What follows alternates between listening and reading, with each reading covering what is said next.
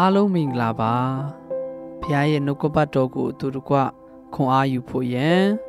နှုတ်ကပတ်တော်ကိုမြည်ဝေးပါဆိုတဲ့ခေါင်းစဉ်လေးနဲ့ထပ်မံအားပေးခြင်းပါတယ်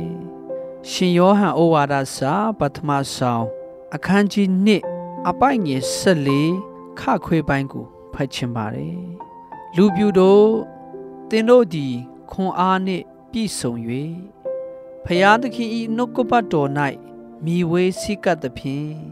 မာနကိုအောင်သောကြောင့်တင်တို့အားငါရေး၍ပေးလိုက်ခဲ့ပြီ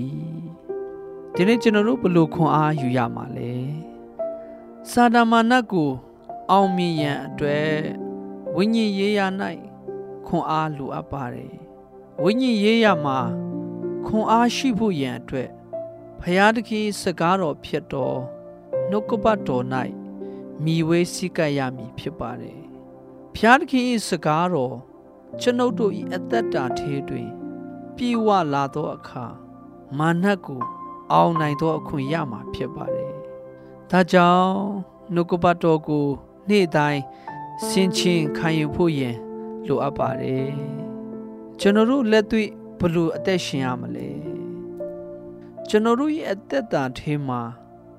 ဖယားဤနှုတ်ကပတ်တော်၌ မိဝဲစိကပ်ပြီးဖျားတခင်စကားတော်အတိုင်းအသက်ရှင်ရမည်ဖြစ်ပါတယ်အတူတကွဆုတောင်းကြရအောင်အဖဖျားသခင်ကျွန်ုပ်နှင့်ဆက်ဆိုင်သောမိဘဆရာညီအကိုမောင်နှမများ၏အသက်တာထဲမှာ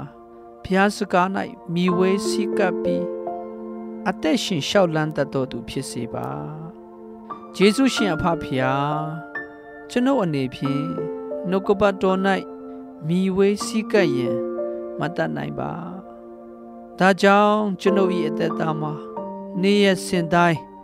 ဖျားသခင်၏မဆာခြင်းကိုလိုအပ်ပါတယ်အဖဖျားကျွန်ုပ်ဒီနှုတ်ကပတ်တော်၌မိဝေးစည်းကပ်တော်သူဖြစ်ရပါမည်အကြောင်းအကျွန်ုပ်ကိုမဆာတော်မူပါသခင်ယေရှုနာမ၌ယူသေးစွာဆုတောင်းပါ၏ဖျားအာမင် အားလုံးပေါ်မှာဘုရားရှင်ကောင်းချီးပေးပါစေ။